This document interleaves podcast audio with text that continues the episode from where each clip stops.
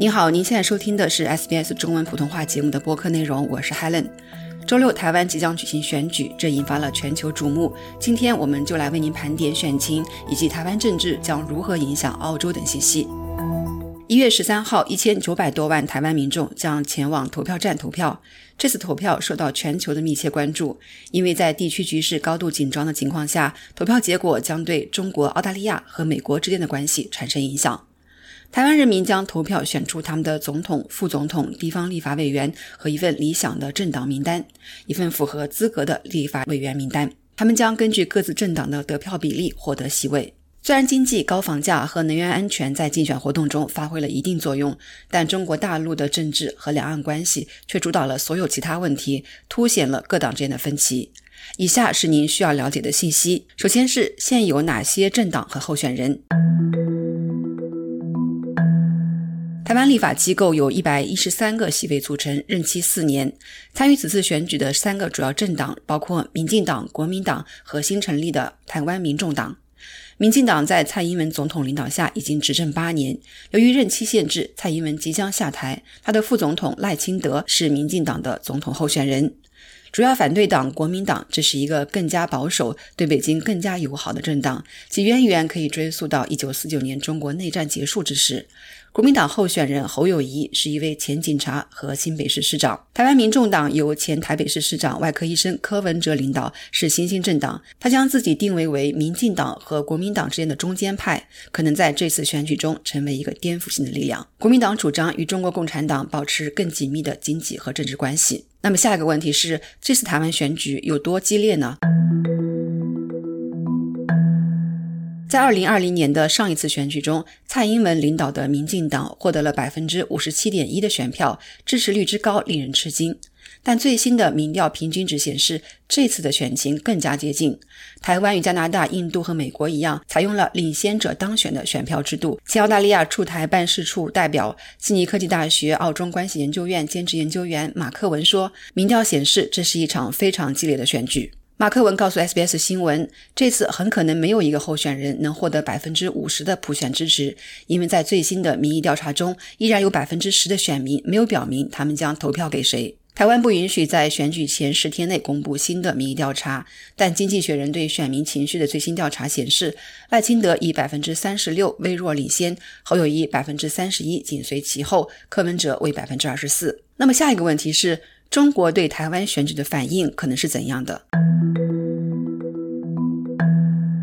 澳大利亚国立大学研究员本杰明·赫斯科维奇认为，如果民进党在赖清德领导下再次当选，很可能会导致两岸紧张局势加剧。他告诉 SBS 新闻，在民进党总统领导下，北京通常会更加怀疑台北，冲突和紧张局势也会更多。他说，如果民进党能够实现第三次上台，那将是史无前例的。赫斯科维奇说：“这将表明台湾在台湾认同和政治方面离中国越来越远，而这一点让北京深感沮丧，因为中国的首要目标是吞并台湾。”墨尔本大学中国和亚洲政治高级讲师谭雷佳也表达了类似观点。他对 SBS 新闻说：“习近平随着年岁渐长，会对台湾未能与中国大陆统一感到越来越不耐烦。”他补充说：“在北京提出对台湾实行‘一国两制’方案后，香港的阴影笼罩着即将到来的选举。”谭雷佳说：“中国通过实施国家安全法镇压香港异议人士的方式，向台湾人民发出了一个信号，即中国不会信守承诺。”赫斯科维奇说：“如果台湾民众党或国民党上台执政，紧张局势则可能会有所缓解。尽管台湾民众党和国民党对北京更加友好，但赫斯科维奇和马克文都认为，三大政党都不希望打破目前现状，即尽管没有任何正式声明，而台湾实际上是一个独立国家。”赫斯科维奇说：“中国为了实现吞并台湾的目标，即使北京可能更喜欢台湾民众党或国民党候选人而非民进党候选人，他们依然会对台湾独立感到不满，并将实施一系列政策，如在台湾海峡实施军事边缘政策或经济胁迫。”在新年致辞中，习近平说：“祖国统一是历史必然，并指出2049年是中华民族伟大复兴的最后期限。”好，如果把视野回归到澳大利亚，台湾政治又将如何影响澳大利亚呢？中国是澳大利亚的第一大贸易伙伴，台湾则是澳大利亚的第七大贸易伙伴。除了经济影响之外，专家们一致认为，地区稳定对包括澳大利亚在内的全球各国来说都至关重要。马克文说，这是一个全球的爆发点，你可能会看到武装冲突，这将直接影响澳大利亚的经济利益。赫斯科维奇说，虽然台湾大选结果不太可能促使阿尔巴尼斯政府改变政策，但台湾政治立场重大变化可能会引发一连串将澳大利亚牵扯其中的事件。他说：“如果有另一位民进党总统当选，并且在他当选后，他采取更倾向于台湾独立或对北京重要的象征性问题的言论，那么中国很可能会做出非常严厉的反应。”他说：“这个很可能会引发美国和日本等盟国的批评，澳大利亚也可能效仿。”他说：“有中国政府可能会对台湾选举做出的反应，澳中关系有可能会更加紧张，这对澳大利亚来说事关重大。”